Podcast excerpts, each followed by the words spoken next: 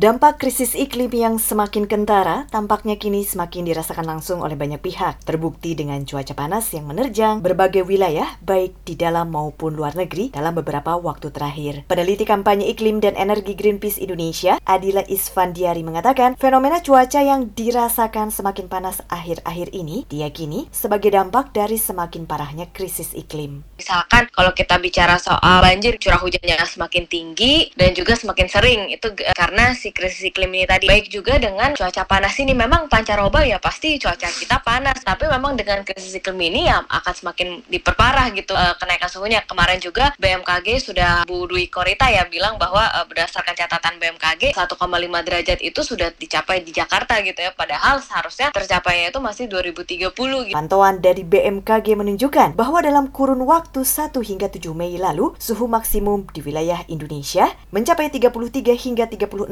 derajat Celcius. Adapun suhu tertinggi yang mencapai 36,1 derajat Celcius tercatat di wilayah Tangerang, Banten, dan Kalimarau, Kalimantan Utara. Emisi dari kebakaran hutan dan masih bergantungnya penggunaan terhadap energi kotor menurut Adila menjadi faktor utama penyebab krisis iklim di Indonesia. Berdasarkan Nationally Determined Contribution atau NDC, sektor energi di Indonesia menjadi penyumbang gas emisi rumah kaca terbesar di tahun 2030 mendatang. Hal ini dikarenakan 88% energi listrik yang digunakan berasal dari pembakaran bahan bakar fosil, terutama batu bara. Sejak awal tahun ini, Indonesia berulang kali menyatakan komitmennya untuk beralih menuju penggunaan energi terbarukan. Walaupun mengakui kompleksitas peralihan menuju energi terbarukan, Presiden Jokowi menyatakan akan menggunakan presidensi G20 untuk memperkuat komitmen transisi di bidang energi. Jika pemerintah tidak bertindak sesegera mungkin, Adila memperingatkan dampak kerugian ekonomi yang cukup besar dapat timbul akibat krisis iklim. Berdasarkan modeling dari Bappenas juga, ternyata ya krisis iklim ini akan menyebabkan kerugian sebesar 544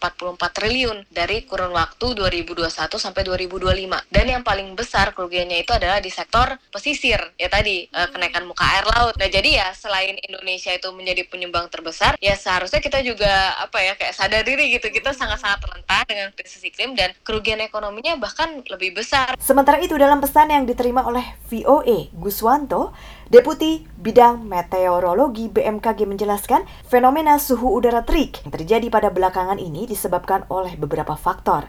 Pertama katanya, posisi semu matahari saat ini sudah berada di wilayah utara ekuator yang mengindikasikan bahwa sebagian wilayah Indonesia akan mulai memasuki musim kemarau di mana tingkat pertumbuhan awan dan fenomena hujan akan sangat berkurang sehingga cuaca cerah pada pagi menjelang siang hari akan cukup mendominasi. Dari Jakarta, Gita Intan melaporkan untuk VOA Washington.